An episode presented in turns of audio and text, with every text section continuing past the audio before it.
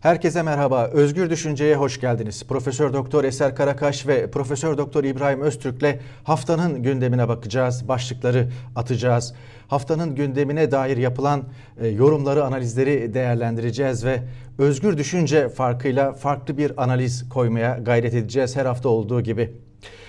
İki ana siyasi konu var haftanın. Ee, birincisi e, muhalefetin dokunulmazlıklarla ilgili fezleke sınavı Türkiye Büyük Millet Meclisi'nde siyasi gündem sadece bunu konuşuyor son birkaç haftadır. İkinci konuysa Cumhurbaşkanı Tayyip Erdoğan'ın açıkladığı insan hakları eylem planı. 18 yıllık iktidardan sonra 19. senesinde AKP bir insan hakları eylem planı açıkladı. Bununla ilgili muhtelif görüşler var. Yani bugüne kadar olmadı da şimdi mi? Ya da işte kendi günah galerisi gibi ya da e, olan şeyleri e, sıralamış gibi ya da bunun içeriye bakan tarafı yok. E, bu tamamen batıya şirin gömle, görünme hamlesi diyenler de oldu. Bunun gibi çok sayıda e, yorum var. Ve bu eylem planının dikkat çekici tarafı, insan hakları eylem planının dikkat çekici tarafı iki yıla yayılması. Neden şimdi değil de iki yıllık bir süre öngörülüyor? Buna e, bakacağız. Ama onlardan önce dün e, Bitlis'ten gelen e, helikopter kazası e, haberiyle başlayalım. E, Bitlis Tatvan'da e, Cougar tipi bir askeri helikopter e, düştü. Milli Savunma Bakanlığı'ndan yapılan son açıklama 11 askerin hayatını kaybettiği e, yönündeydi e, Cougar tipi helikopterler daha önce başka kazalara da e, karıştılar. E, bununla ilgili e, çok sayıda spekülasyon da yapılıyor. Neden e, bu kazalar oluyor? E, neden e, acaba tedbir mi alınmıyor? Bir e, hata mı var? Pilotlarda da pilotlarda mı bir hata var? Yeterince deneyim sahibi değiller mi? E, yine bu kazada bir kor generalin hayatını kaybettiği bildiriliyor ki acaba e, içinde rütbeliler varsa e, bu bir şüpheli kaza mı gibi e, sorular da var. E, fakat bunların hiçbiri e, araştırılmıyor. Bunların hiçbirinin üzerine gidilmiyor. Nedenleri üzerinde durulmuyor. Bir örnek 2017'de 13 askerin şehit olduğu e, Şırnak'taki helikopter kazası araştırma önergesi e, iktidar oylarıyla reddedilmişti. İktidar e, bu yönde gelen bütün talepleri reddediyor. Bir meclis araştırması dahi açılmıyor ve ölenler öldükleriyle kalıyorlar. Biz kazada hayatını kaybedenlerin yakınlarına başsağlığı diliyoruz. Başlayalım hem siyasi gündem hem de elbette bu kaza çerçevesinde Profesör Doktor Eser Karakaş'la Eser Karakaş neler söylersiniz? Bu kazayla ilgili mi yani helikopter kazasıyla Kazayla ilgili. başlayabiliriz evet. Her şeyden önce orada hayatlarını kaybeden o askerlerin ailelerine, Türk Silahlı Kuvvetlerine, herkese başsağlığı diliyorum. Çok acı bir olay. Yani ben e, kesinlikle antimilitarist biri değilimdir. Böyle bir şey vardır yani. Biz, benim bize bizim içinde bulunduğumuz bir grup arkadaşın savunduğu görüşler nedeniyle yani Milli Güvenlik Kurulu'na karşıydık işte yüksek, yüksek askeri şura kararlarının yargı denetimine açılmasını istiyorduk. İşte e, Genelkurmay Başkanı Milli Savunma Bakanı'na bağlansın istiyorduk falan. Bu yüzden bize, bize üzerimize konan bir şey vardır. E, bunlar anti yani ordu karşıtı falan diye. Bu doğru asla doğru değildir. Ben en azından kendi payıma söyleyeyim. Ben kesinlikle antimilitarist birisi değilimdir. Ama düzgün işleyen bir silahlı kuvvetlerden yanayımdır. Yani hesap verebilir, e, denetime açık, ya, e, bir hata varsa ki her kurum hata yapabilir. E, onun da hesabını vermesini bilen silah, bütün bütün devlet kurumları gibi bütün devlet kurumları gibi silahlı kuvvetinde bu kapsamda olmasını isterim. Sen şimdi bu, bu kazayı duyduğum zaman yine çok üzüldüm. Ama yani işte hani e, şeytan diyoruz. Yani insan aklına geliyor. Mesela acaba bizim ya da bizim üzerimizde gelişmiş düzey olan ülkeler bunları size söyleyeyim mesela. Mesela Fransa'da yani büyük ordular olan İspanya'da, İngiltere'de, Almanya'da Amerika'yı bir kenara bırakıyorum. Onlar ayrı bir şey. Ama mesela Rusya'da e, acaba bu tür kazalar özellikle silahlı kuvvetlerin bünyesinde gerçekleşen kazaların o ordunun büyüklüğüne oranlarsanız ne kadar? Ya Türkiye bunlardan ayrışıyor mu, ayrışmıyor mu? Ayrışıyorsa ne yönde ayrışıyor? Mesela olumsuz anlamda ayrışıyorsa bunun nedenleri nedir? Acaba yeterince bir denetim var mı, yok mu? Bütün bunları Türkiye'nin konuşması lazım. Çünkü Türk Sağlık Kuvvetleri dediğiniz şey e, şöyle bir yanlış bir ifade vardır. Milletin ordusu dedi. O milletin ordusu olmaz. Ordu devletin ordusudur. Yani Maliye Bakanlığı işte neyse kimse polis neyse ordu da olur. Devletin ordusudur. Ve devletin ordusu olduğu için de vergi mükelleflerine finanse edilir. Dolayısıyla bu tür facialarda hem, hem insani bir facia hem teknik bir facia ama her şey önce insani bir facia. Ben gerçekten merak ediyorum. Mesela e, İspanya, Fransa, İtalya gibi silahlı kuvvetlerle mukayese edilirse Türkiye'de e, bu tür kazalarda bunun içine başka bir şey olduğunu varsaymıyorum kesinlikle yani. Bunun bildiğimiz kelimenin gerçek anlamıyla bir kaza olduğunu varsayıyorum. Ama bu kazaların şey oranı ne kadar acaba Türk Silahlı Kuvvetleri'nde? Mesela ben Fransa'da Türkiye'ye yakın bir ordusu var. Daha teknolojisi çok daha yüksek tabii ama eğer bunun sonuçlarını bir yerde böyle bir çalışma yok. Türk Silahlı Kuvvetleri yok ki mukayeseli bir çalışmasını yap- yapabilelim. Bunlar çok önemli. 2017'de böyle bir kaza oldu. Daha önce çok böyle büyük kazalar oldu. Hepsini hatırlıyoruz. Sonra bu bu tür kazalar kazaların mukayeseli oranlarını sa- sadece silahlı kuvvetlerle sınırlamamak. Mesela tren yollarında ne kadar kaza oluyor? İnşaatlarda ne kadar kaza oluyor? Türkiye'de günde 5 tane işçi iş kazası, kaza deniyor ama ne kadar kaza demek lazım bunu bilemiyorum. Çünkü günde 5 tane işçi hayatını kaybediyorsa ve bu ben bu işi yakından ilgilendiğim son 20 yılda yaklaşık 2,5-3'ten 5'e çıktı. Günde kaybedilen işçi sayısı kazalarda. Yani işte geçtiğimiz Şubat'a 28 günse işte 110 civarında ölü vardır. Ben size şimdiden söyleyeyim. Tam da sonuçlarına bir bakmadım. Bunların mukayeseli şeyleri çok önemli. Bunları alma, almalıyız, mukayese etmeliyiz ve bundan ders çıkarmalıyız. İhmalleri olanlar varsa da onlarla da ilgili en azından bir soruşturma açmalıyız. Niye ihmal var? Sorun nerede? Niye bizde daha çok işçi ölüyor? Niye? Bilmiyorum mesela bunu. Şu an tamamen afaki söylüyorum. Silahlı kuvvetlerle bu kazalar neden oluyor?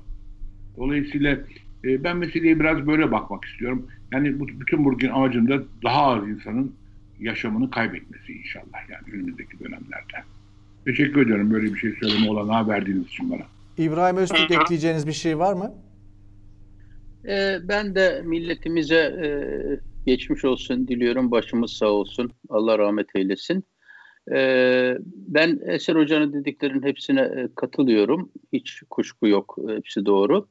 Fakat eğer siz Türkiye'de yaşıyorsanız e, Türkiye'de bu tür kazaların tarihini e, takip ediyorsanız ve bu kazaların olma zamanlamasını Türkiye'nin yoğun kangrene dönmüş e, karanlık siyasi gündemiyle arz ettiği paralelliği e, dikkat çekmek zorundasınız. E, 2021 ve 2022 seçim satı mailinde e, Türkiye'nin içine girdiği karanlık dar koridoru e, düşündüğüm zaman geçen haftalarda da yaptığımız bazı yorumları da e, tekrar hatırladığım zaman önümüzdeki dönemde meclise gelecek vekillerin e, ve milletvekilliğine düşürecek gen soru dayatmasının meclise gelme satım halinde kamuoyu şekillendirme gündeminin bir parçası olarak acaba önümüzdeki dönemde bu kazaların kaza olmaktan çıkıp terör saldırısıyla düştüğü şeklinde yeni haberler gelip yeni şehitli haberleri, yeni tabutlar Allah korusun e, duyar mıyız endişemi paylaşmadan edemiyorum. Türkiye Büyük Millet Meclisi'ne bu terör e, operasyonları ve terör olgusu üzerinden yeni bir dayatma geleceği endişesini ben taşıyorum. Benim konuyla ilgili şimdilik söylemek istediklerim bunlardan ibaret efendim. Af, Afyon'da, Afyon'da 4-5 sene oldu bir cephanelik patladı. Hatırlıyoruz hepimiz. Evet. evet. Ve bütün olaylarda bir cezasızlık e, hüküm sürüyor. Beni biraz o rahatsız ediyor. Ve mesela o kaç 16 asker vefat etti, şehit oldu galiba o kazada. E, şeyde cephanelikte. Sonra çok korkunç bir valinin bir hediye merasimi oldu o günlerde. Yani o şeyin üzerinden vali birilerine böyle hediyeler götürdü. Afyon valisi işte galiba dönemin. Bunlar gerçekten kabul edilebilecek şeyler değildir ve cezasızlık da kabul edilebilir bir şey değil burada. Yani bir ihmal durup dururken bir cephane patlamaz. Bir yerde bir yanlış var. Değil mi? Mutlaka. Bir yerde bir hata yapılıyor. O hata bir şekilde ortaya çıkarılmalı. Nasıl bir hata oldu? Ya bu yani burada kaza diye bir şey olamaz cephanelikte. Ee, yani deprem olur. Çok Allah korusun. 9,5 büyüklüğünde bir deprem olur da bir şey olur. Öyle öyle bir şey de yok. Bir e, cephanelik patlıyorsa bir yerde bir yanlış yapılmış demektir. Ya iç, içerideki hararet derecesi ayarlanmamış, yeterince yani neyse işte bilemiyorum teknik olarak. Ama o hatanın kimin yaptığını toplumun öğrenmesi lazım. Toplumun da maalesef böyle bir fikri takip talebi çok yok. Onu da söyleyeyim. Maalesef. E, demokrasi neden talep edilir? E, demokrasi şeffaflık olduğu kadar hesap verilebilirliktir. Yani bir ülkede kanunlar çiğneniyorsa, e, liyakat esası bitmişse, e, bürokrasi, medya boşaltılmışsa, e, muhalefet iktidar trenine binmişse, denetim yoksa en başta biraz evvel Eser Karakaş'ın söylediği gibi, sorumlular hesap vermiyorsa kazalar artar, kayıplar verilir, insanlar ölür. Ee, en temel e, konulardan biri de e, bin yıllık bir konu. E, Magna Carta'dan bizim e, yaşadığımız coğrafyada daha doğrusu Türkiye'de e, tanzimat örneği verilir. E, hep bir arayış olmuş ve e, insan hakları olgunlaşarak gelmiş. E, ve Batı dünyası bunu büyük ölçüde de halletmiş. E, en temel konudur insan hakları konusu. E, bu hafta bu açıklandı. Bir insan hakları eylem planı açıklandı. Fakat sonradan ortaya çıktı ki e, Sezgin Tanrıkulu e, bunu açıkladı. E, Sezin Öney de e, Duvar gazetesinde yazdı. 1.2 milyar milyon euroluk bir Avrupa Birliği fonuyla bu hazırlanmış. E, Sabah gazetesine de e, Barolar Birliği Başkanı Metin Feyzoğlu e, manşetten e, bu eylem planını savundu. İki e, biz uzun süre bunun üzerinde çalıştık dedi. Belli ki hazırlayıcıları arasında Barolar Birliği Başkanı da var ya da Barolar Birliği de var.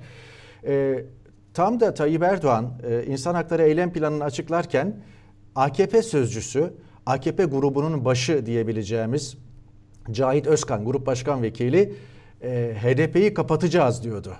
Türkiye Büyük Millet Meclisi'nde yaptığı basın toplantısında e, bir iktidar partisi olarak HDP'yi bir başka partiyi kapatmaktan e, bahsediyordu. Hoş daha sonra e, daha mürekkebi kurumadan bu laflarının e, bu lafları düzeltti. HDP'yi sandığa gömeceğiz dedi ama laflar bir kere söylendi. Evet 33 fezlek, fezleke geldi son günlerde Türkiye Büyük Millet Meclisi'ne. Bunun 28'i 9 HDP'li hakkında ama Türkiye Büyük Millet Meclisi'nde bekleyen binin üzerinde hatta 1300'ün üzerinde fezleke var. Bir yanda e, muhalefetin fezleke sınavı söz konusu. Bir yanda da insan hakları eylem planı açıklandı.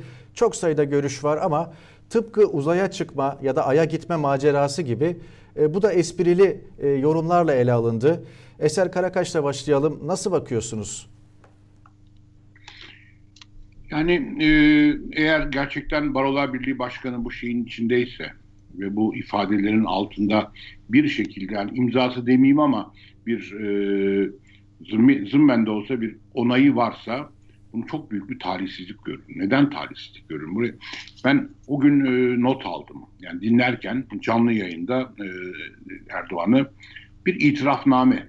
Ben mesela böyle bir şeyi yaparsam çok yapma yapmazdım. Çok korkardım mutlaka hakkında soruşturma açılır diye.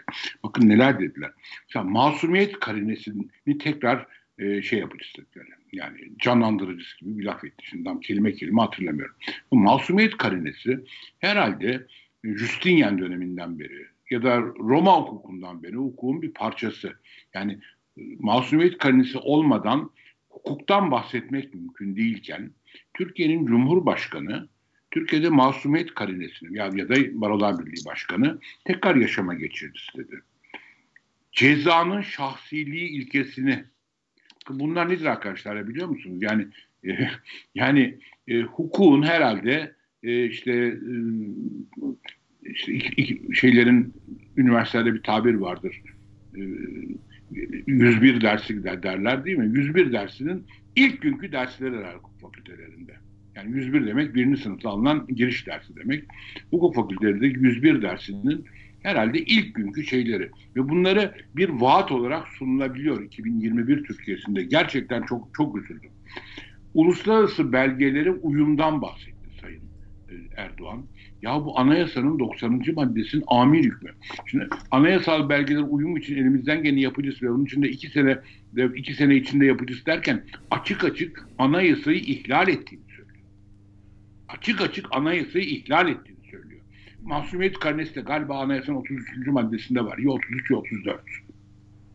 Masumiyet karnesini de artık yavaş yavaş daha ciddi alın isterken anayasayı ciddi almadığını söylüyor dolayısıyla. Yani bu inanılacak bir şey değil yani. Mesela daha güçlü insan hakları diyor. Bu korkunç bir laf. İnsan hakları insan haklarıdır. Daha zayıf insan hakları, daha güçlü insan hakları olmaz.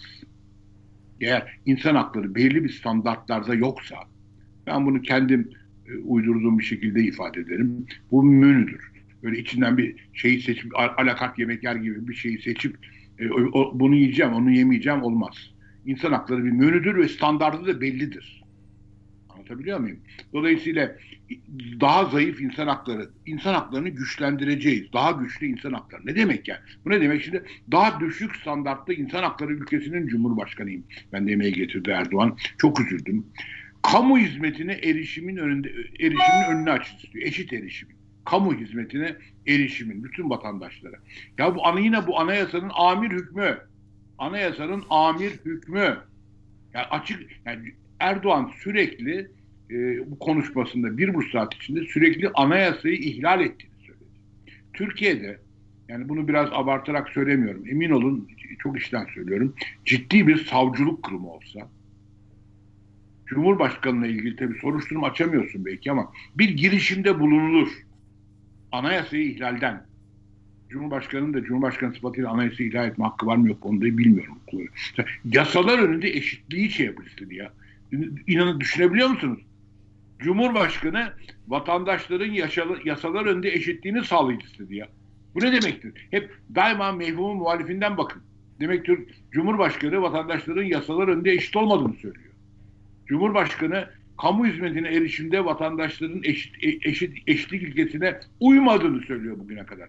Ya bu inanılacak şeyler değil yani. Ben duydukça şey oldum yani. Ne derler? Ee, çok çok rahatsız oldum. Ahim kararlarına uyucu istedi. Ya bu da 90. maddeye göre bu bir amir hüküm. Bunu ama onun yanında bir adam var Mehmet Uçun diye. Ee, bu herhalde bu dönem inşallah e, olumlu bir şekilde kapandıktan sonra bu dönemin simge simge bir iki isimleri var. Özlem Zengin gibi bir tanesi de Özlem şey bu Mehmet Uçum olacak hep hatırlayacağım yani. Mesela ayın kararlarına uyum mecburi değildir diyor. Bir hukukçu bu. Hukuk fakültesi mezunu. İnanılacak bir şey değil. Çok açık Türkiye'nin altında imzası bulunan bir uluslararası sözleşmenin amir 46. maddesi bu. Taahhüt eder devlet diyor. Ben burada biraz ağır bir laf da söylüyorum her zaman bu konu açıldığı zaman. Yani e, birisi bir şeyi taahhüt ederse ona devlet de dahil. Özel ya da tüzel bir kişilik. Bir şeyi taahhüt edip yapmazsa o bazı sıfatları hakkıdır. Değil mi? Bizim devlet de Avrupa İnsan Hakları Sözleşmesi'nin altında imzası var. 46. maddede Avrupa İnsan Hakları Mahkemesi kararlarını uygulama taahhüdünde bulunmuş. Taahhüdünde bulunmayan insanlar için ya da kurumlar için ne deneceğini sizlerin ve e, izleyicilerimizin takdirlerine bırakıyorum. Dediğim gibi yani ben çok şey oldum. Çekindim yani. Bundan dedim herhalde yani bir cumhurbaşkanı dünyanın hiçbir yerinde anayasayı bu kadar ihlal ettiğini açık açık söylemezdi. Yani bu, bu itirafname bir, bir itirafnameydi bu o gün açık, açıklanan şey. Bir de o şey de çok komik. Tarık hatırlattı bunu. Bir de iki sene şeyi verdi önüne. Ne demekse iki yani ya, vatandaşların yasaların da eşitliğini iki sene mi veriyor bunun için? Yani bu demektir bu seçime kadar yapmayacaksın demek. Türkçesi budur. Seçime kadar yasalarında eşitlik, kamu hizmetine erişimde eşitlik bunları düşünmeyin diyor. Çıkarın gündeminizden diyor. Yani seçimi bir kazanalım bakalım. Biz ortamı bir sağlayalım biz Anayasa Mahkemesi kararlarını, ayın kararlarını uygulamayalım. iki sene. Sonra seçim bir gelsin. Ondan sonra Allah kerim. Ben böyle anladım bu şeyi. Ee, tabii bunun altında bir baro başkanının yani bir sadece baro başkanı değil, hukuk profesörü şey Feyzoğlu, Metin Feyzoğlu. Bütün bunların altında buna böyle bir böyle bir itirafnameye desteği olmasını gerçekten e, meslektaş olarak üzüldüm diyeyim. Sadece başka bir şey de söylemeyeceğim. Metin Feyzoğlu sabahın manşeti 4 e, Mart e, Perşembe manşeti 2 yıl önce katılımcı bir anlayışla yola çıkıldı. Her kesimin görüşü dinlendi.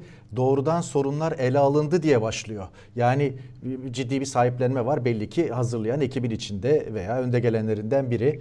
Bunun bir tane KYK'lı var. KYK'lıların görüşü alındı mı acaba? İbrahim sana sordum. Gülürsün. ya ya. Şimdi İbrahim Öztürk'le devam edelim. Esasen e, e, Erdoğan'ın açıklamalarında şu var. Diyor ki e, bir çiçeğe az su vermek onu kuruturken fazla su vermek soldurur diyor. Yani e, bu 61 anayasası ile ilgili söylenirdi. İşte özgürlükler fazla geldi Türkiye'ye denirdi. Devamla da şunu söylüyor. E, bir çiçeğe su vermek adaleti yerine getirmek olurken dikene su vermek e, zulüm anlamına gelebiliyor. Peki neyin çiçek, neyin diken olduğuna kim karar verecek? Aa. Sadece bu cümle bile insan hakları eylem planını özetliyor esasen. Ee, tabii, İbrahim tabii. Öztürk'le devam edelim. Neden şimdi değil de iki yıla yayıldı bu süre İbrahim Öztürk? Ee, ne anlamda e, Tarık Bey? Yani yani kendi olumlu yerinden bakmak gerekirse şöyle diyebilir. Yani bunun içerisinde Avrupa Birliği'nin finansmanı var. Avrupa Birliği'nin gözetimi, denetimi, uzmanları, yönetmeliği, e, danışmanlığı var. E, dolayısıyla bu çok da büyük, kapsamlı bir şey yaptık. İki yıl alması gayet normaldir gibi bir şey denilebilir.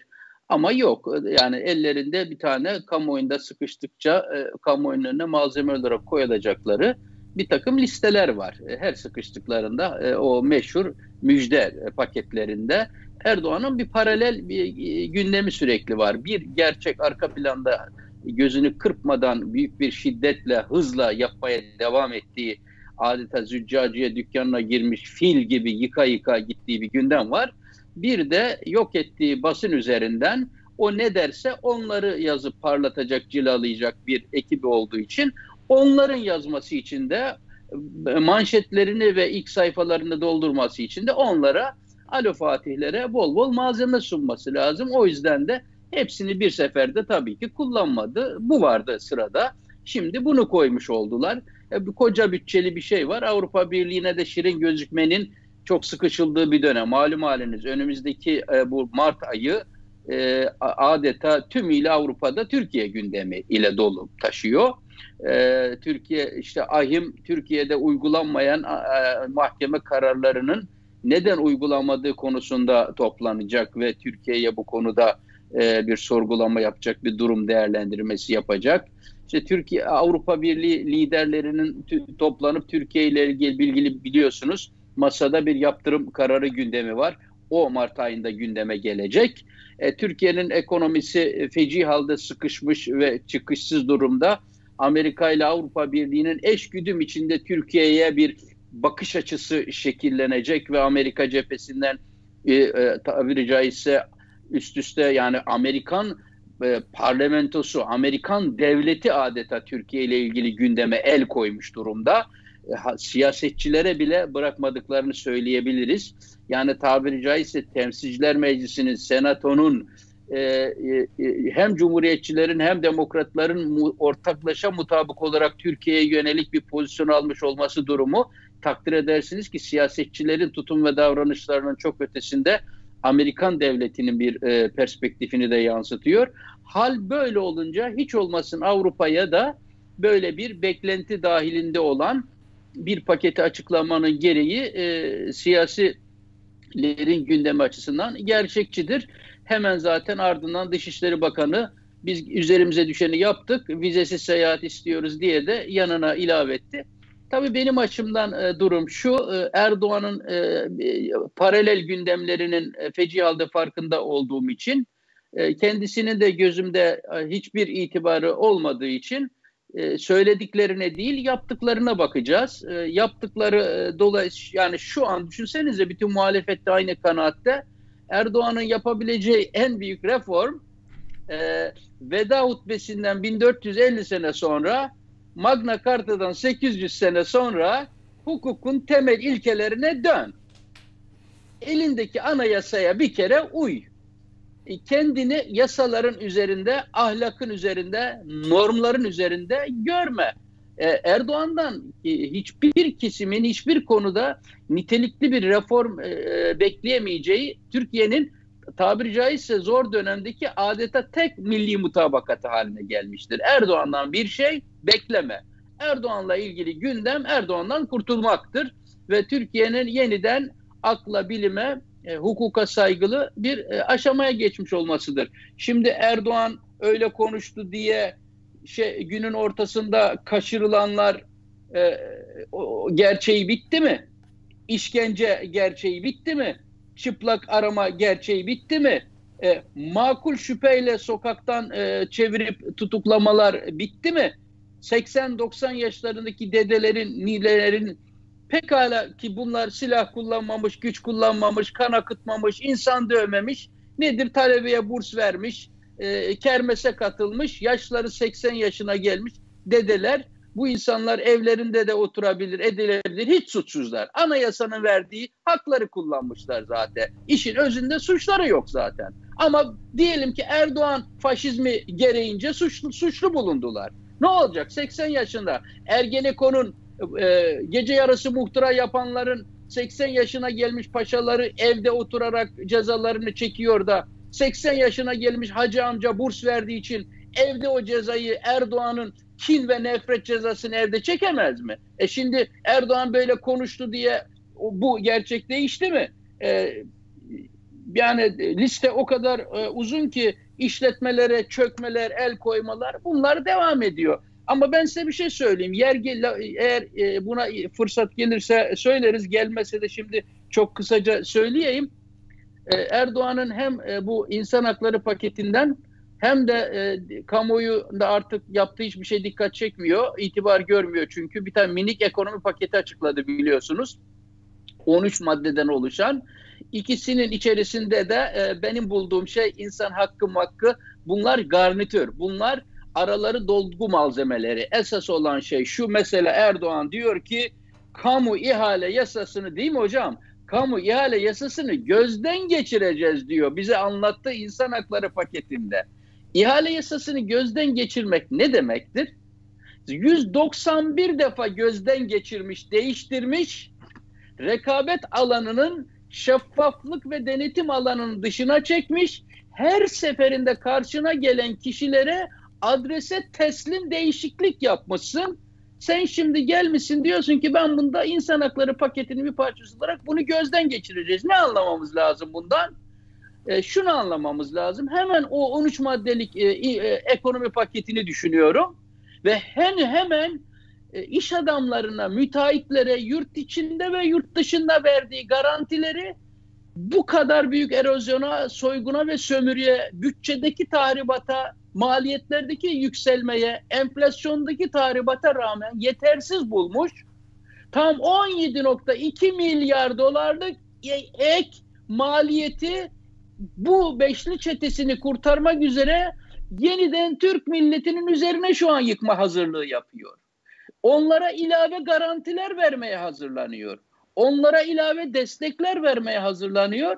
Hal böyle olunca e, kamu ihale yasasını gözden geçireceğiz deyince bu kamu ihale yasasını daha da kötü hale getireceğini, daha da tahrip edeceğini, daha da yandaş odaklı hale getireceğini anlamak lazım. Ama o konuşmasında bunu dahi e, biraz sonra hani e, e, yiyeceği avına e, şirin ve sempatik gözükme hareketleri olarak görüyorum. Dolayısıyla paketlerinde yine sermayeye ayrıcalık, yine emeğe tutsaklık, yine beşli çeteye kaynak aktarma ve yine Türk milletine korkunç bir maliyet yüklemekten başka bir şey görmedim o pakette. İbrahim Öztürk harika bir yere getirdiniz. Buradan devam edelim. Gerçekten insan hakları eylem planında Kamu ihalelerinde rekabetin sağlanması ve şeffaflığın artırılması amacıyla kamu ihale mevzuatı gözden geçirilecek maddesinin ne işi var? Eser Karakaş, yüzlerce kere değiştirilmiş ihale kanunu bir kere daha gözden geçirilecek. 2020 2020 yılında e, kamu harcamalarının yapılan yani bütçenin yaklaşık yüzde 20 20 küsürüne denk geliyor bu. E, 143 milyar TL'lik e, harcamayı devlet kamu ihalesiyle yapmış. Bunun 68 milyarı e, şey değil, açık ihale değil. Yani şey yöntemiyle rekabetçi ihale değil. Yani 68 milyar TL'lik bölümünü bölümü çoğu 21B'ye göre verilmiş, davet usulü verilmiş. Yani dağıtılmış. Şimdi e, bu beşli çete diyorlar. Ben isimlerini söylemekte fayda görüyorum. Cengiz Holding, Lima, Kalyon, Kolin ve Makyol. Bunlar bu, bu beş aklıma da takılıyor. Yani e, Erdoğan'ın bu beş şirkete bu kadar büyük düşkünlüğünün, bu kadar kaynak aktarmasının, kabul edilemeyecek ölçülerde kaynak aktarmasının altında ne yatıyor acaba? Gerçekten bunu ben cevabını bilmiyorum. Bunu ben biliyorum hocam. Söyle valla beni de, beni de tembih et yani hocam tembih et. ee, bana bir iş adamı e, dedi ki e, İstanbul'un mühim bir yerinde e, çok büyük miktarda devasa e, rant değeri çok yüksek yerde yüzlerce lüks konutun villanın olduğu bir yer. E, bu iş adamına cebren e, bu villalar, bu e, konutları üzerine alması baskısı yapıyor Erdoğan. E, çünkü bu iş adamının başka yerlerde siyasetten çıkarları var. Tehdit altında o e, varlıkları üstlenerek onların satışını gerçekleştiriyor ama elinde elde ettiği geliri başka yerlere aktarmak zorunda kalıyor. İsteyerek değil tehdit altında mecburen taşımak zorunda kalıyor. Erdoğan kendi yolsuzluk ekonomisini finanse edecek ve bunun e, suçlarını taşıyacak e, bunları bulabildi. Başkalarını tam bulamadı. Dolayısıyla bu kişiler ben Mevlana'yı sevdiğim gibi seni seviyorumu boşuna demediler. Bunların kaderi biliyorsunuz 28 Şubat sürecinin de beşli çeteleri vardı. 28 Şubat'ının beşli çetesiyle Erdoğan'ın beşli çetesi birbirinden tümüyle farklı. Erdoğan'ın beşli çetesi sadece soygun çetesi. 28 Şubat'ın çetelerin içerisinde ideolojik çeteler de vardı. Odalar vardı, e, sendikalar vardı, iş adamı dernekleri vardı, sanayiciler vardı, e, barolar vardı. Şimdi Erdoğan e, bu çeteleri sadece iş adamlarından kurdu ve onlara kendi yükünü, kendi yolsuzluk yüklerini taşıtıyor. Erdoğan'ın gittiği gün bunlar Türkiye'de yaşama imkanlarını ebediyen kaybedecekler ve sanırım adil bir yargının önünde bu mülklerinin tümüne devlet gerçek adalet koşulları altında gerçekten milli millet iradesi adına gerçekten gelecek nesil altına bunların hepsine el konulması gerekecek. Kesinlikle. Yap işlet devret e, yatırımları var. E, işte onlara biraz önce İbrahim de değindi. Yeni devlet garantisi geliyor. 2021'de herhalde 50 milyar TL'lik büyük de gelecek. Sadece yap işlet devret şeyden. Ben e, bütçeciyimdir. Yani bütçe işlerini iyi bildiğimi zannederim. Ve çok büyük bir iddia söylüyorum. Bak bu kadar her, her konuda çok iddialı konuşmam. Bu yap işlet devlet kanunu zamanında gidildi şeye ve Anayasa Mahkemesi anayasaya aykırılık bulmadı. Fakat çok iddia ediyorum. Yap işlet devlet modelindeki bu uçma, uçuş garantileri, geçiş garantileri anayasaya aykırıdır. Bunu ileride tartışacağım. Çok da uzun bir şey yazmayı düşünüyorum. Bir tane gazetelerde sağda ipuçlarını yazdım ama bu bir kere bir büyük bir anayasa ihlalidir. O ayrı bir konu. Burada inşallah geleceğiz. Yani dediğim gibi yani Türkiye'de ama Türkiye'de zaten kamu yerlerini konuşmadan siyaset konuşmanın bir anlamı olmadığını düşünüyorum ben. Çünkü siyaseti temel yönlendiren her şey siyasetin finansmanı değil mi? Parayı aramak lazım arkada. Siyasetin finansmanı kamu ihalelerinden geçtiği için Türkiye'de kamu ihalesini didik didik etmeden ben hafta içinde İbrahim hocam, hocama da gönderdim bir şey. E, kamu, kamu ihale kurumunun 2020 ihale raporunu gönderdim. Müstehcen bir rapor. Çok açık, çok açık. Bu, bu, bu kelimeyi kullanıyorum. Müstehcen bir rapor. Resmi bir rapor. Ama her şeye rağmen daha bizim şey e, bu raporları yayınlıyorlar. Belki çok az kişi bakıyor diye yani. Ama ben bu kamu ihale kurumunun bu bültenlerine, raporlarına daima bakıyorum. Bu, bu kelimeyi altını çizerek söylüyorum. Müstehcen bir rapor. Yani ne anlamda e, hocam? Yani bu 21 B ile falan verilen yani mesela yani 21 B'nin kanunda, kamu ihale kanunda bir tanımı var ya. Kanun ya başka bir şeyden bahsetmiyorum. Kanunda bir tanımı var. Orada gözüküyor hangi ihalelerin o tanımla uzaktan yakından alakası olmayan hangi ihalelerin 21 B ile kimlere verildiği gözüküyor. Yani yani açık kanun ihlali. Suç yani. Bayağı suç gözüküyor ortada. Yani burada sistem şöyle çalışıyor. Daha iyi anlaşılsın diye ben çok kısaca özetleyeceğim ve oradan da e, vergi meselesine geleceğim. Şimdi devlet bir iş buluyor. E, dev, saray diyeyim, devlet demeyeyim. E, bir yere havalimanı yapılacak veya bir yere köprü yapılacak diyor. İhtiyaç olmadığı halde mesela örnek e, Kütahya, Afyon, Uşak'a hizmet verecek meşhur Zafer, Zafer Havalimanı örneği. O, O ileride Zafer Havalimanı dönemin simgesi olacak o da Zafer Havalimanı'nda. Kesinlikle öyle. Ee, geçen yıl sadece 7 bin yolcu kullanmış ve 83 e, milyar lira e, ödenmiş. E, bunun müteahhidine, işletmecisine neyse. Şimdi devlet böyle bir iş buluyor. Gereksiz bir iş. Havalimanı gibi, köprü gibi. Sonra da bunu yapmaya ehil olmayan bir şirket veya kendi muhtemedini buluyor. O ona talip oluyor. Talip olan kişi veya kuruluş veya holding o işi devlet kredisiyle yapıyor e, düşük faizle ödemesiz vesaire. Sonra e, onun da kendine göre taşeronları var. E, sonra buna yolcu garantisi veya müşteri garantisi veriliyor. E, ve e, oradan para kesmeye başlıyor garantili olarak. E, vergi tahakkuk ediyor tabii. O vergiyi de devlet, devlet affediyor. Yani e, inanılır gibi değil. Muazzam bir kara delik, muazzam bir soygun düzeni. Da, daha başka ne denir bilmiyorum bu beş şirketi biraz önce isimlerini açık açık okuduğum beş şirkete 2020 yılında galiba 2019 ve 2020'de tam 128 kere vergi, resim, harç ve benzeri mali mükellefiyet indirimi yapılmış. 128 evet. kere bu bir şey laftır. Vergi, resim, harç ve benzeri mali mükellefiyetler diye anayasal bir ifadedir. Ee, 128 kez bunlarla indirim yapılmış. Kime yapıldı? Ve bu da e, unuttum bu da halka hizmet olarak anlatılıyor. yani oradan yani, da bir propaganda yapılıyor. Yani şey oldu geçenler 9.8 milyar liraya bunlardan bir tanesine o zaman artık çok sobutanınca da isim vermek istemiyorum korkuyorum da biraz. Yani 9.8 milyar TL'ye bir ihale aldı. Aynı gün 9.8 milyar liralık bir vergi şeyle girdi indirme, indirimde aldı. Ya bu nasıl bir şeydir ya? Yani ama bakın biraz önce bir şey söyledim. Şimdi bakar bu önde anayasa olduğu için oradan bak.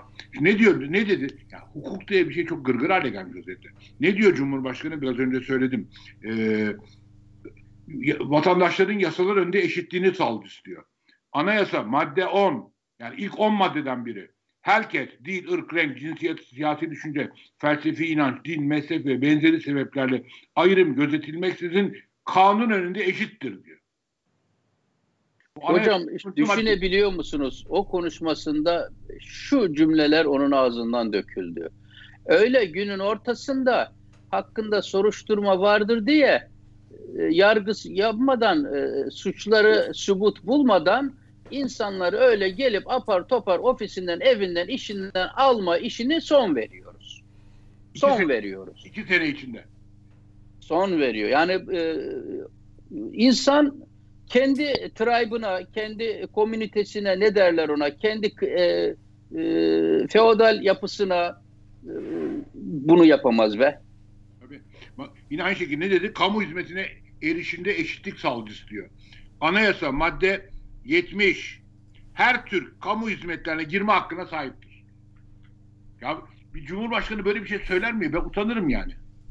Ya şuna benziyor aşağı yukarı. Biraz daha Mesela Ankara'nın başkent olması için elimizden geleni yapacağız ki. Demek ki bir şey var. Kesinlikle öyle. Kesinlikle öyle. Demek var bir şey bir şey yani ben ne, ne diyeceğimi bilemiyorum gerçekten. Bakın bu e, laf geldi de o araya e, ben de izninizle ilave edeyim. Lütfen bu, lütfen Kütahya, lütfen. Kütahya Zafer Havaalanı dediniz. Oradaki e, e, yolcularda yolcu garantisi muhabbetinde sapma oranı ne? Yüzde 99. Yüzde 99. Yani yüzde 98 nokta bir şey de ben onu yuvarlıyorum. Şimdi bir şehrin havaalanına gidecek gelecek yolcu sayısını yüzde 99 oranında yani kısaca hiç tutturamayan bir iradenin şu dünyadaki, şu devingen dünyadaki, şu yapay zeka dünyasındaki, şu dördüncü sanayi dünyasındaki İtalya'dan kalka İtalya'daki bir doktorun robotlar üzerinden Amerika'daki hastayı robot üzerinden e, milimetrik hareketlerle saniye kayıplarını engelleyerek yaptığı gerçek zamanlı ameliyat yaptığı bir dünyada Erdoğan iki sene sonra Türkiye'yi kişi başı gelir de, yüz, bu sene onu birazdan konuşuruz herhalde 75. sıraya düşürdüğü ülkeyi 10. yapacakmış. Bunun hesabını yapıyormuş. Bunun Oraya geleceğiz. Ee, şimdi onu o, o konuyla sizinle devam edeceğim. Enflasyon rakamları da açıklandı. İbrahim Hoca haksızlık yaptı. O haksızlığı e, hemen şimdi düzeltmek Peki. Zorunda. Bu verdiği %99 hata payı var ya yanılma payı, sapma payı e, Zafer Havaalanı ile ilgili. O 2020 yılı ile ilgili. 2020, 2020. çok özel bir yıl.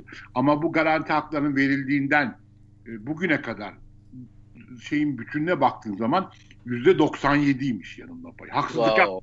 Yani 97 ortalama evet. 99 dedin. Gerçekten yani. gerçekten evet. özür diliyorum. Yüzde yani, 97 evet. oranında sapmış. Özel bir yılı mahsus verdin ki büyük gözüksün diye. Halbuki 90 Doğru. Evet. Doğru. 2012 yılında e, Eser Eser Karakaş güzel bir şey söyledi. Yani Zafer Havalimanı gerçekten sembol. E, bu yap işlet devlet meselesinde 2012 yılında açılmış. 30 yıllığına e, İçtaş inşaata veriliyor. 2044'e kadar devlet garantisi var. 2020 yılında hata payı %99 evet 1 milyon yolcu garantisine karşılık 7 bin yolcu uçmuş. Peki 2012-2020 arasında açıldığı günden 2020 sonuna kadar 8 senede 8 milyon yaklaşık 9 milyon yolcu garantisi verilmiş. Bunun da %97'si tutturulamamış. Tam rakamlar böyle. Enflasyon oranları açıklandı 3 ee, Mart e, çarşamba günü e, TÜİK verilerine göre. TÜİK'te de e, kaç defa başkan değişti bilmiyorum. 3 kere mi 4 kere mi? Ayda bir değil. Ay, ayda bir değişiyor galiba. İki Yıllık senede enflasyon, 4 başkan değişti.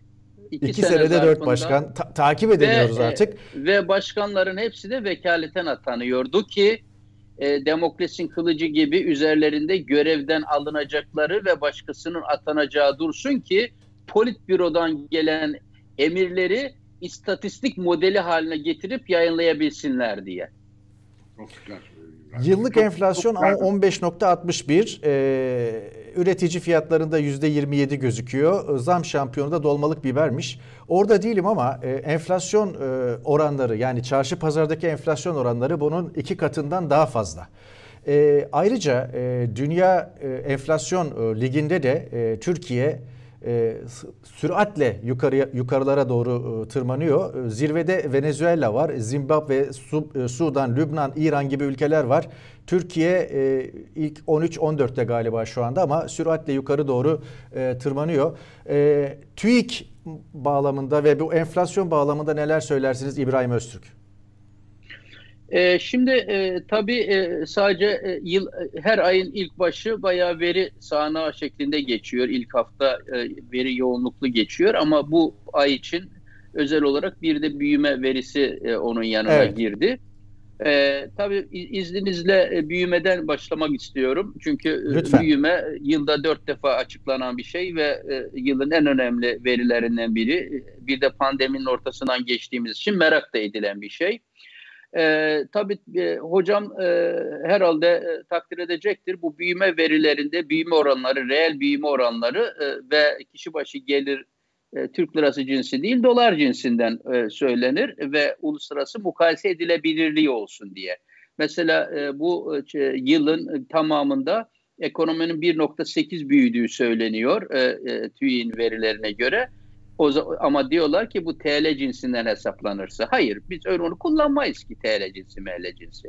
Büyüme dolar cinsinden söylenir ve dolar cinsinden ekonomi yüzde altı küçüldü. Nitekim, nitekim kişi başı gelir de aksi takdirde niye düştüğünü söyleyemezsiniz yani. Ekonomi 1.8 büyümüşse buna göre kişi başı gelirinde az çok büyümüş olması lazım. Tabii ki dolar cinsinden söyledik. Fakat bir şey daha var. E, bu büyümenin e, dolar cinsinden yüzde altı civarında e, ekonominin küçülmesiyle beraber ki ben daha büyük olduğunu e, düşünüyorum doğrusu. E, ciddi kuşkularım var kafamda. Birazdan açabilirim zaman kalırsa. E, kişi başı gelir de de e, ben e, tahminime yakın bir şey geldi ve 8 bin e, dolar bazına gerilemiş olduk. E, ben açıkçası e, e, hocam e, şimdi bu Türkiye'nin resmi nüfusu 83 milyon küsur olarak alınıyor TÜİK tarafından. Dolayısıyla üretilen milli gelir bu resmi nüfusa bölünüyor. Türkiye'de şu an yaklaşık 3-4 milyon civarında e, mülteci yaşıyor Ve bu insanlar bir şekilde tüketimleriyle, emekleriyle, çalışmalarıyla üretimde, hizmet sektöründe bu milli gelire katkıda bulunuyorlar. Dolayısıyla milli geliri siz hesaplarken bunlar mültecidir, bunların katkısını saymayalım demiyorsunuz. Ee, ama milli geliri nüfusa bölerken resmi nüfusa bölüyorsunuz. Bana göre e, 87 e, milyona bölünmeliydi. 87 milyona bölünce de milli gelirimiz 8 e, bin e, dolardan da düşüyor. Yaklaşık 7500 dolar civarına düşüyor. Böylece e, Türkiye'nin milli geliri, kişi başı geliri 2020 yılının 21 yılının başında 2004 yılının altına gerilemiş bulunuyor. Böylece benim aylardan beri her programımda, her fırsatta bir teviye söylediğim şu gerçekleşmiş oldu. 2023 yılı Erdoğan'ın 2023 hedefi Türkiye'nin 2003 yılına dönüşü anlamına geliyor. Döndük. Hayırlı olsun. İki sene öncesinden aşağı yukarı 2023'e iki sene kala 2003 seviyesine kişi başı gelirde döndük. Siyasette de döndük mü 1990'ların adam kaçırmalara, terör patlamasına, parti kapatmalara, vekillik düşürmelere. Dolayısıyla e, hakikaten zamanda bastı zaman yaşıyoruz. Zamanda geriye doğru bir yolculuk yapan bir millet var. Ekonomide 20 sene geri, siyasette 30 sene geri gitmiş bulunuyoruz. O çukurdan alıp çıkartacağız. Ama ben büyüme konusunda izniniz olursa bir iki küçük şeye daha işaret etmek isterim. Lütfen. O da Lütfen. şu. E, 4 sene TÜİK Başkanlığı yapmış ve şimdi e, sanırım e, Gelecek Partisi'nde siyaset yapan Birolay Demir e, açıklamada bulundu. E, TÜİK'te çalıştığı için, uzun süre başkanlığını yaptığı için gerçekten TÜİK'in mutfağında neler olduğunu bilen kişidir takdir edersiniz ki. O kişi e, defalarca açıklama yaptı gazetelere, beyanatlar verdi. Dedi ki benim de dört sene yönettiğim TÜİ'nin ürettiği veriler güvenilmezdir dedi. Buna açıklama getirdi. Üç tane açıklama getirdi. Bir, siyasi baskılar. İki, bize veri vermesi gereken kurumlar bize o verileri vermediler. İstedik ve vermediler. Yasalar gereği vermekle mükellef oldukları verileri vermediler bize hesap yapalım diye. Üç, dedi ki e, ve yani onu ben de kendi tecrübelerimden biliyorum. İstatistikte yalan söylemek isterseniz iki tane muhteşem aşaması vardır. Oralarda işi bağlamanız lazım. Bir aşaması veriler girerkendir. Orada yanlış girerseniz e, konuyu kapatırsınız. İki, verileri toplarken daha da sağlamı sahada verileri toplarken orada şey etikete bakıp onu kağıda yazdığınız zaman orada sizden başkası çok yok. E, ve dedi ki bir olay Demir e, bunlar dedi BİM gibi e, bilmem e, çok marketler gibi e, A101'ler gibi marketlerden e, ve ucuzcu marketlerden ucuz ürünler üzerinden verileri topluyorlar. Bir de o verileri toplayacakları zaman özel indirime giren ürünler üzerinden verileri topluyorlar. Yani her ay birkaç ürün üzerinden biliyorsunuz kampanya yapılır ya. E, onları e, e, üzerinden yapıyorlar dedi. E, dolayısıyla e, hem kalite anlamında gerçeği yansıtmıyor hem ürün kompozisyonu anlamında gerçeği yansıtmıyor. Dolayısıyla gerçekten şaka yapmıyoruz. Bir politbüro istatistiği döneminden geçiyoruz. Tarık Bey bir şey söyleyeyim. Sizin genel yayın yönetmenliğini yaptığınız Bugün gazetesinde ben tam sayfa ekonomi analizleri yaptığım zamanlarda 2013 yılında Türkiye'nin politbüro istatistikleri diye Türkiye'nin büyüme verilerini analiz ettiğim çok uzun analizler yayınladım üst üste iki tane. Ve Türkiye'nin e, birazcık kendimi izninizle şımartıp ve öveyim. Türkiye'nin 2020 yılındaki e, kişi başı gelirini o makalelerimi internetten e, yine de bulmak mümkün. O zaman tahmin ettim. Ve o zaman TÜİK'te bulunan şu an TÜİK'in verilerine güvenilmez olduğunu söyleyen Birol Aydemir'in yönetiminden bir kişi bana resmi yazı yazdı. Türkiye Cumhuriyeti Devleti'nin kurumlarını itibarına saldırıyorsun, e, zedeliyorsun ve bu suç işliyorsun anlamında bana resmi yazı yazdı. Ben bunun üzerine bir yazı daha yazdım. Dolayısıyla işte aradan geçen zaman zarfında hem benim analizimin e, doğruluğu ortaya çıktı hem de e, TÜİ'nin bizatihi o dönemde bana cevap yetiştirmeye çalışan başkanı oranın bir politbüro istatistik grubu olduğunu ve verilerine itibar etmememiz gerektiğini söylemiş oldu. Günümüzde enflasyon yüzde 40, resmi enflasyon verileri de artmaya devam ediyor bu arada. Dolayısıyla e, şu an Türkiye'de e, yabancı yatırımcıların içeriye getirdiği paradan reel kazancı yeniden sıfırlanmış e, durumda.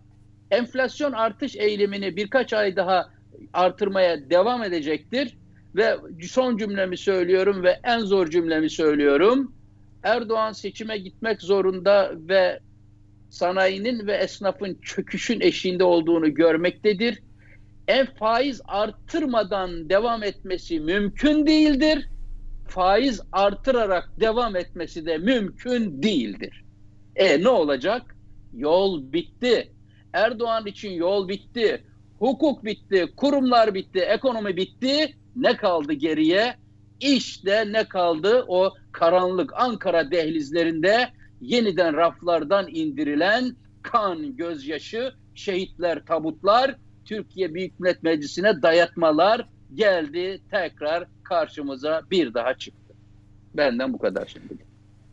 Enflasyonla devam edelim. Orada minik bir düzeltme. Ben e, bugün televizyonu genel yayın müdürüydüm. Bugün gazetesini Erhan Başyurt yönetiyordu. Aman alınmasın yayını seyrediyorsa. Pardon. Şimdi evet, e, e, enflasyon oranlarında topu e, Eser Karakaş'a atacağım ama atmadan e, dünya enflasyon sıralamasında Türkiye'nin Zimbabwe, Sudan liginde hızla yukarı tırmandığını söyledik ama Avrupa enflasyonuna baktığınızda da eksi de.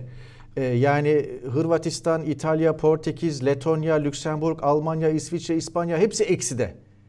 E, yani fiyatlar düşüyor demek bu e, ne bileyim e, Bulgaristan, e, Danimarka, Litvanya, Malta gibi ülkelerde de sıfır nokta bilmem kaçla ifade ediliyor.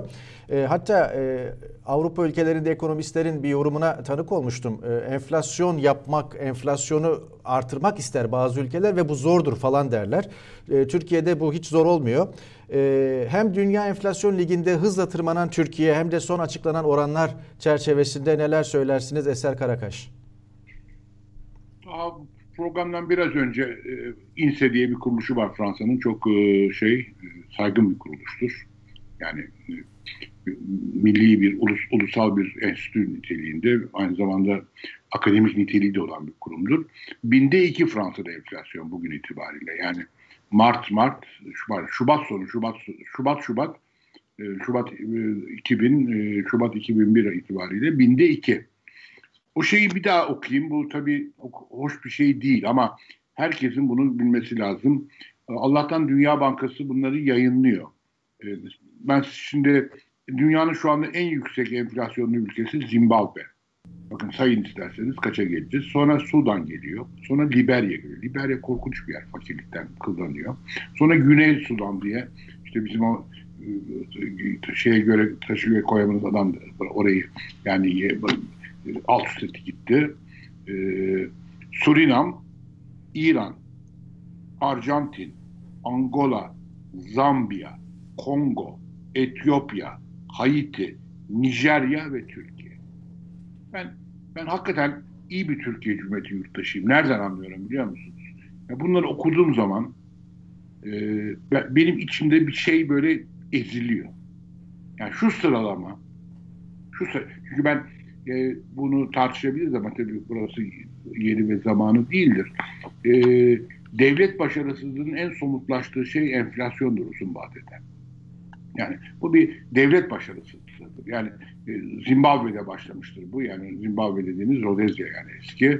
Bu e, Daron Acemoğlu bile kitaplarını örnek olarak veriyor. Zimbabwe'nin nasıl bir devlet başarısız olduğunu. İşte sayın, sayın artık Liberya. Yani bu Haiti. Haiti'de enflasyon bize yakın maalesef. Bizden biraz fazla ama bize yakın. Haiti'de insanlar aç ve bes, kötü beslenmeden raşitlik haldeler. Güneşin hiç eksilmediği, tepede daima güneşin olduğu bir yerde insanlarda kemik sorunları var. Açlıktan. Ve ona ve Türkiye'den daha iyi durumda olanları söyleyeyim size. Bu da tabii. Mesela Suriye. Suriye'de enflasyon 13.1. Şubat Şubat itibariyle. Suriye'de yani bir harp içinden geçen Suriye'de enflasyon bizden iyi. Gine, Özbekistan, Sierra Leone, Türk, Türkmenistan bunlar bizden iyiler. Enflasyon sıralamasında. Bu gerçekten çok canımı acıtıyor. Ama bir de tabii büyümeden bahsetti ve büyümenin nasıl başarısız olduğunu söyledi İbrahim Hoca. Çok teşekkür ediyoruz. Ama Türkiye'de enflasyon meselesine bakışta akademik çevrelerde dahi bir sıkıntı vardır bence. Hep enflasyona şey gözüyle bakılır. Bunu her yerde söylerim ben. Bir e, gelir bölüşümünü yeniden yapılandıran bir süreç gibi bakılır. Doğrudur bu boyutu da vardır ama bence bu boyutu talidir. Enflasyon esas kaynak dağılımını bozar. Çünkü piyasa sinyallerinin gidişini bozar.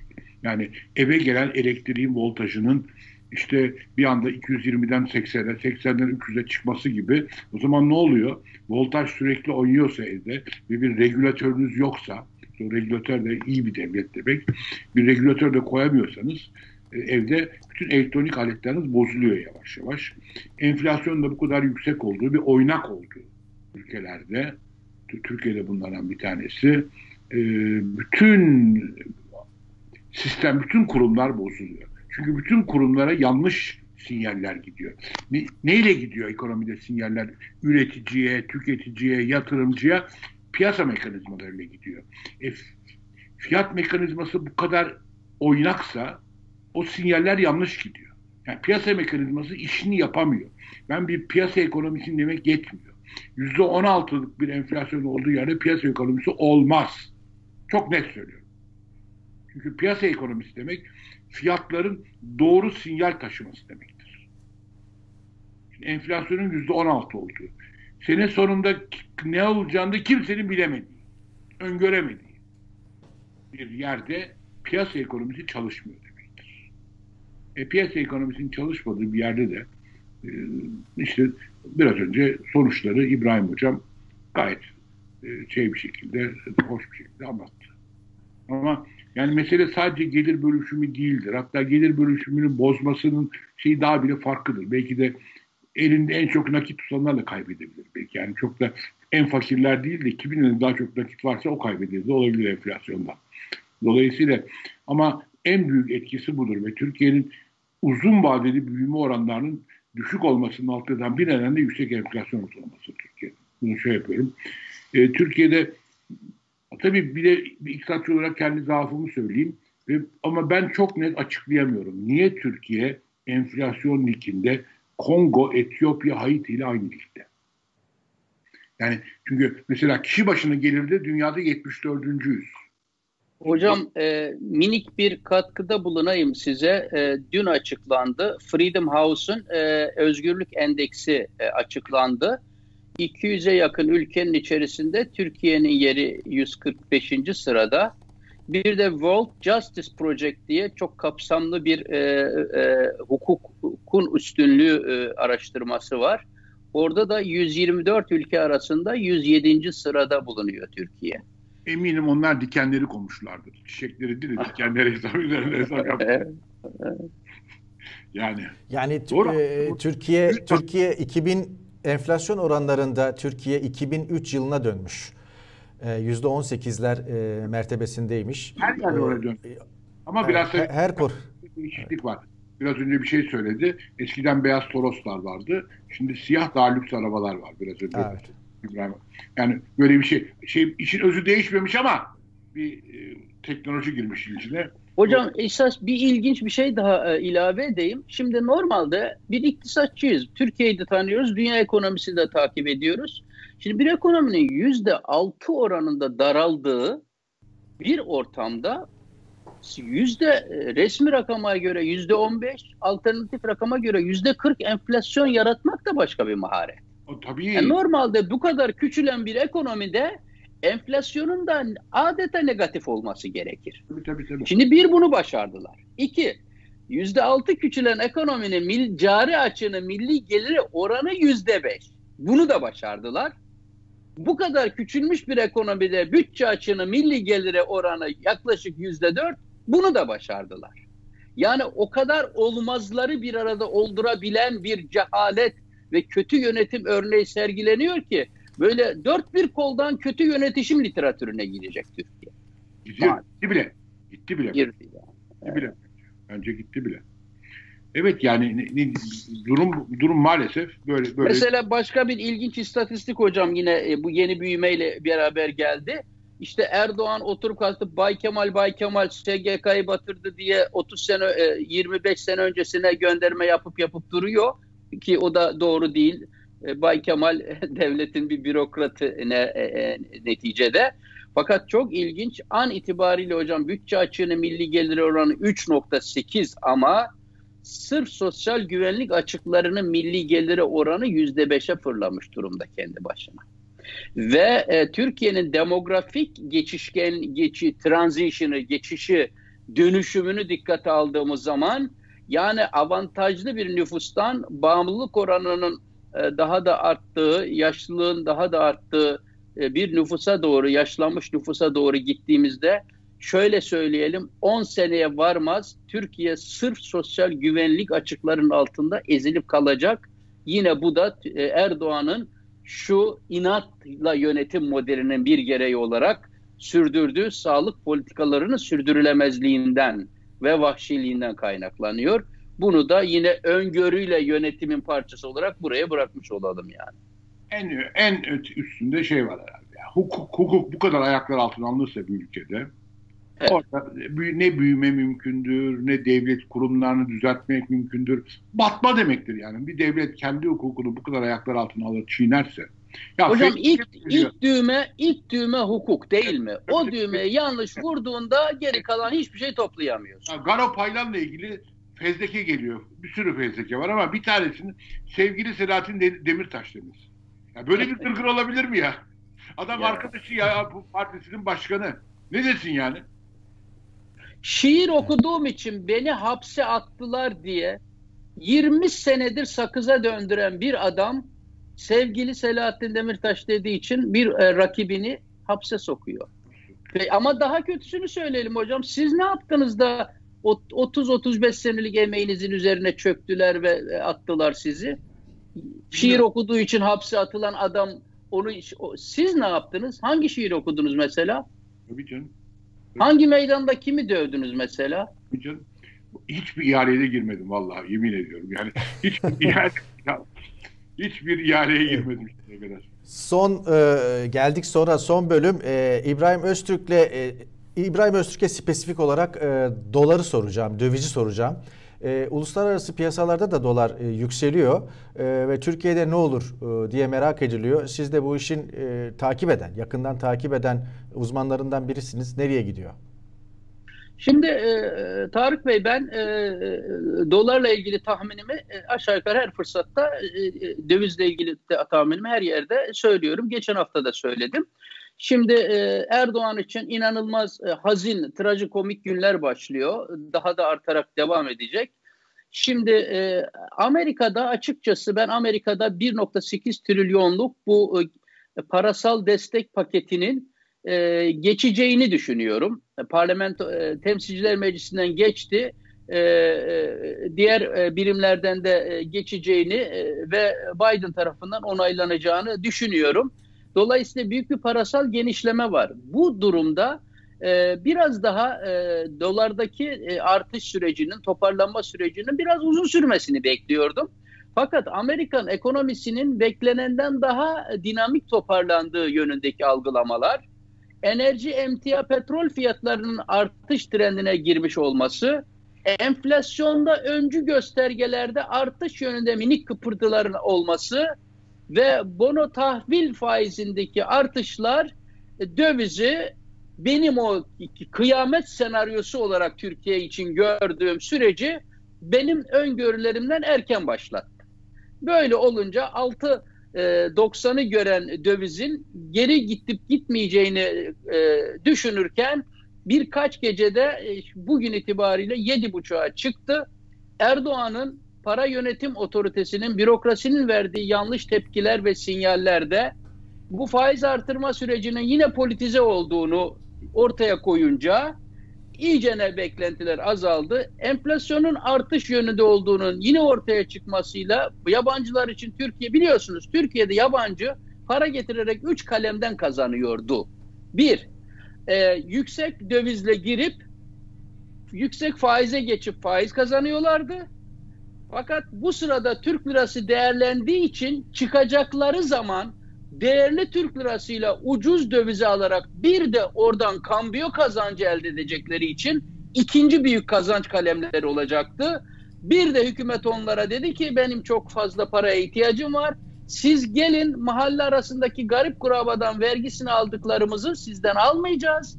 Sizden hiçbir e, kazanç vergisi, stopaj vergisi almayacağız gelir vergisi. Yeter ki bir sene ve üzerinde kalın.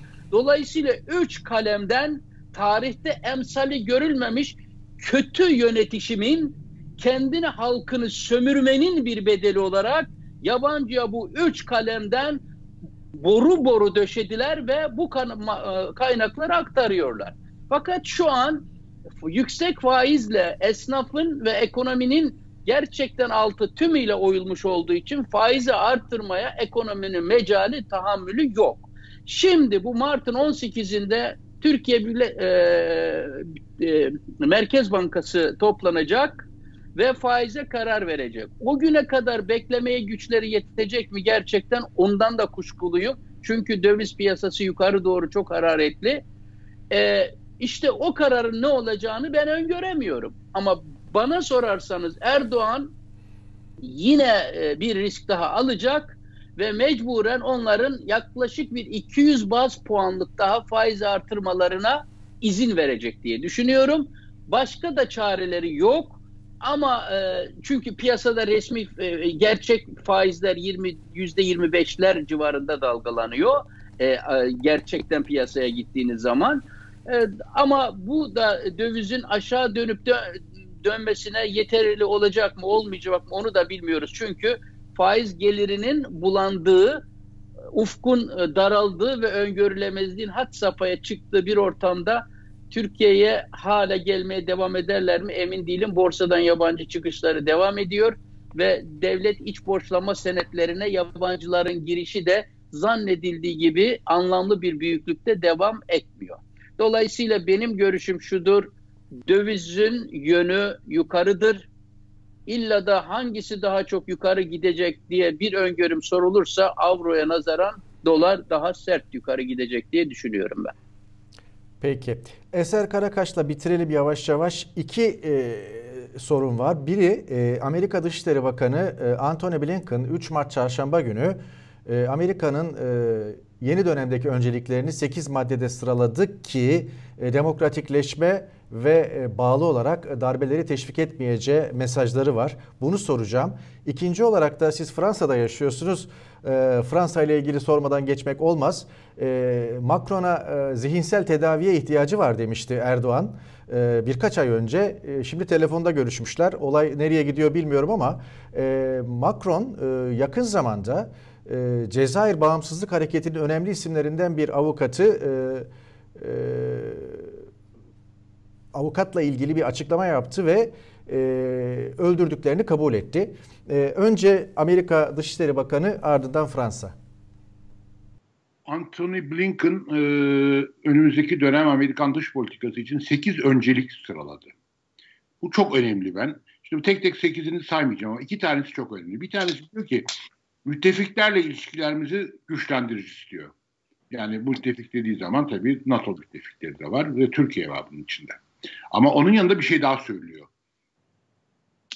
Müttefiklerin, ülkelerin diyor kötü yönetimlerinin yeni, yaratan yasaları şu ortadan kaldırmalarını sağlayacağız diyor. Çok ciddi bir laf bu. Ben ciddi reform istiyorum. Sistemlerin içindeki kötü yönetime neden olan yasaları kaldırmalarını sağlayacağız. Ben şeyin e, bir lafını çok severim. Her yerde de kullanırım. Meşhur Fransız heykeltıraş Rodin'e sormuşlar. Bu şahane heykelleri nasıl yapıyorsun diye. Rodin şaşkın şaşkın bakmış. Demiş ki ya çok basit demiş. Taşı alıyorum, lüzumsuz taraflarını atıyorum bundan çıkıyor ortaya demiş.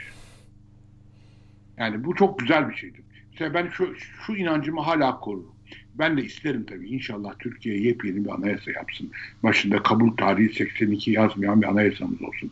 Ama bunu yapamayacaksak bile 82 anayasasından o saçma sapan bir sürü şeyi attığımız zaman ortaya ülkeyi yönetebilecek bir anayasa çıkabilir. Yani ne diyor? Bu aslında bunu Anthony Blinken'ın lafı değil bu. Şeyin sözü. Doğrudan Joe Biden'ın sözü. Joe Biden 10 gün önce aynı sözü etti. Dedi ki özellikle şey Trump'la ilgili bazı eylemlerle bulunuyordu. Sistemdeki bütün kötülükleri temizleyeceğiz, ortaya iyi bir sistem çıkacak. Bu, bu laf o zaman da dikkatini çekmişti. Anthony Blinken bir daha tekrarladı burada. Bunları muhtemelen Türkiye'den de isteyecekler. Yani öyle e, madem kardeşim siz Avrupa İnsan Hakları Mahkemesi'nin yargı etkisini kabul ettiniz mi? Yani öyle kararlarına uymamak falan yok. Bu, ve, ve bugün e, Baskın Orhan çok güzel bir yazı yazdı. Ben de yazmışım ama tabii Baskın Orhan benden çok daha ehil bir şekilde yazıyor. Onun konusu işin diyor düğüm nerede? Bu yabancılar iç işlerimize karışmasın diye bir laf var ya bu çok büyük hatadır diyor. İnsan hakları konusu insan hakları konusu bir ülkenin iç işi olamaz. Beni bir ülkede beni birisi yönetiyor diye bana işkence yapamaz bana yargı şey olmadan beni işimden atamaz. İbrahim Hoca'yı atamaz. Anlatabiliyor muyum? Dolayısıyla bu, bu durumda yabancıların buna karışma meşruiyetleri vardır. Hocam oturdu kalktı Erbakan Haçlı sürüsü dedi. Partisi kapatıldığında ilk kendisi ahime gitti. Ahime gitti. Aynen. Erdoğan oturdu kalktı Haçlı sürüsü dedi. Kendisi için üç defa gitti. Tabii. Kendilerine gelince gidiyorlar da başkalarına sıra gelince nasıl iç işlerimize karışmak oluyor? Tabii canım. Bana göre yeni dönemde hocam anayasa yapacak irade Erdoğan olamaz. Erdoğan o meşruiyetini kaybetmiştir. Erdoğan artık Türkiye'yi yönetme her şeyini kaybetmiş vaziyette. Şu anda Erdoğan yani söyle bir şey söylemek istemiyorum ama yani çünkü bakın buna şunu iyi görelim. bir cumhurbaşkanının meşruiyeti için gerekli ve yeterli koşul vardır. Gerekli koşul seçilmiş olmaktır. Tamam, gerekli koşulu sağlıyor ama yeterli koşul hukuka uymaktır. Bir seçilmiş cumhurbaşkanı hukuka uymuyorsa gerekli yeterli koşulu yerine getirmiyordur. Yani meşruiyeti yoktur. Çok net bu. Bu Çok iki, net. yani insan Türkiye'de bir matematik eğitim sıkıntısı olduğu belli yani. Bu gerekli koşul, yeterli koşul ayrımını çok net yapamıyoruz. Meşruyum ben seçildim diyor. Kimse sana sen seçil, seçilmedin demiyoruz. Ya hile oldu mu olmadı mı bilmiyorum artık ama ben ona sen seçilmedin demiyorum. Ama o gerekli koşuldur. Cumhurbaşkanı meşruiyeti için. Yeterli koşul seçilmiş Aynen. Cumhurbaşkanının hukuka uymasıdır. Hukuka uymadığın anda meşruiyeti biter. Ve uymuyor. Dolayısıyla meşruiyeti kalmamıştır. Yoktur yani. Şu anda işgal altındadır Türkiye'de. Çok önemli bazı devlet kurumları. Fransa Macron. Aa, ben bunu e, Twitter'da şey yaptım. E, ondan sonra bu Macron deli ayol dedim yani. E, biraz da bizden öğrensin dedim yani. Niye o dedim Macron'da bizim tarihimizde bizim utanacağımız hiçbir şey yoktur diye açıklamalar yapmak yerine 56-62 arasında Cezayir'le olan ilişkilerde suç işledi e, Fransa gibi bir şey söylüyor dedim. Bu dedim bu bizden öğrendiği çok şey var. Bu yerli ve milli bir cumhurbaşkanı değil anlaşılan dedim. Bize gelse biraz da şey yaptı gibi bir tweet attım. Ama bir hücum geldi bana bu tweet'e, bu, benim bu tweet'im üzerine. Ne diyeceğimi bilemedim artık. Yani bir şey demedim. Cevap vermiyorum artık onlara. Ama bu çok olumlu bir şey. Mesela bir olay daha yaşandı. Onu da söyleyeceğim şimdi. Belki ondan sonra sözümü bitireyim. Yani bu çok önemli bir şey. Yani tabii bunu Türkiye, Türkiye'de birileri üstelik o Erdoğancı tayfe ne oldu yap, tazminat mı ödüyor yani falan gibi bir şeyler söylüyorlar. Tabii tazminat ödedi. Cezayirlere mesela pasaport hakkı verdi. Hepsine. Fransa'ya. Yani böyle bir şey yaptı. O, tabii eskiden onlar da Fransız vatandaşıydı. O Türkiye'de e, e, az bilinir. Yani Cezayir, Tunus ya da Fas gibi bir yer değildir. Cezayir Fransa toprağıydı. Sömürge değildi. Dolayısıyla Fransa Cezayir Savaşı Fransızların çok canını acıtmıştır. Cezayir bir sömürge değildi. Cezayir Fransa toprağıydı. Yani Marsilya neyse, Nice neyse, Paris neyse Cezayir'de Fransa toprağıydı. Yani sömürge bir alanı şey. Dolayısıyla o çok can acıtıcı bir şeydir. Ama Macron'un bu çıkışı çok e, bir devlet adına yakışan hoş bir çıkıştır. Bugün de meşhur bir, benim ilk günden beri izlediğim bir kitap yazacak kadar şey belge biriktirdiğim bir Karaçi olayı var. Karaçi olayında da bugün e, eski başbakan ve işte onun savunma bakanları falan mahkum oldular. Eduard Balladur ceza almadan çıktı ama e, onun, onun da bir şeyi var. Ama hepsi yargılandılar ve bugün mahkeme kararını verdi. Dönemin savunma bakanı da e, şey oldu. 3 sene hapis cezası aldı. Bir sürü başkaları şey aldı. Fransa her şeye rağmen o tamam bir orada da bir derin devlet şeyi vardır ama kendisi de hesaplaşmasını da biliyor yani. Bu Karaçi olayı korkunç bir olaydır. O da ayrı bir mesele yani. Fransa tarihi için Peki. şey. Övünç meselesi bir şey değildir ama en azından cezalandırdılar sorumlular. Devlete yakışan da budur. Sen bir devlet kötü bir şey yapmaz demek saçmadır. Ama devlet kötü bir şey yapanı cezalandırmaz demek saçmadır. Umarım Türkiye devleti de geriye doğru kabahatleriyle yüzleşir. Yüzleşeceği günler gelir çok uzak değildir. Çok çok teşekkürler. Ben, ben Ee, Macron'u Macron'la ilgili söyledim diye bana demetleri bırakmadılar ya Twitter'da. Allah aşkına ya.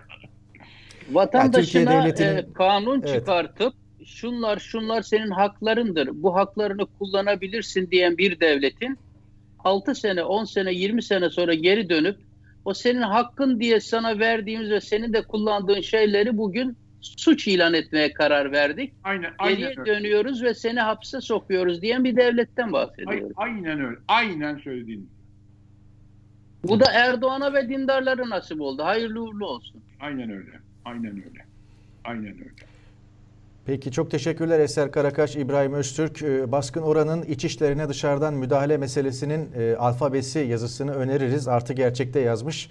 Orada Can Dündar'ın bir sözünü alıntılamış. Diyor ki adam karısını öldüresiye dövüyor. Kadının çığlıklarına konu komşu yetişiyor. Dayakçı da kapıyı açıp size ne? Bu bizim iç işimiz. Karışmak kimsenin haddi değil diyor. İşte iç işlerine müdahale edilen devletin çığlığı bunun gibi bir şey diyor. E, bu yazıyı öneriyoruz ve böylelikle e, bu yazıyla e, özgür düşünceyi noktalıyoruz. Önümüzdeki hafta Eser Karakaş ve İbrahim Öztürk'le yeni gündemleri konuşmak umuduyla huzurlardan saygıyla ayrılıyoruz. Hoşçakalın. Ben çok teşekkür ediyorum ikinize de. Sağ olun. Ben de teşekkür ediyorum. İyi günler.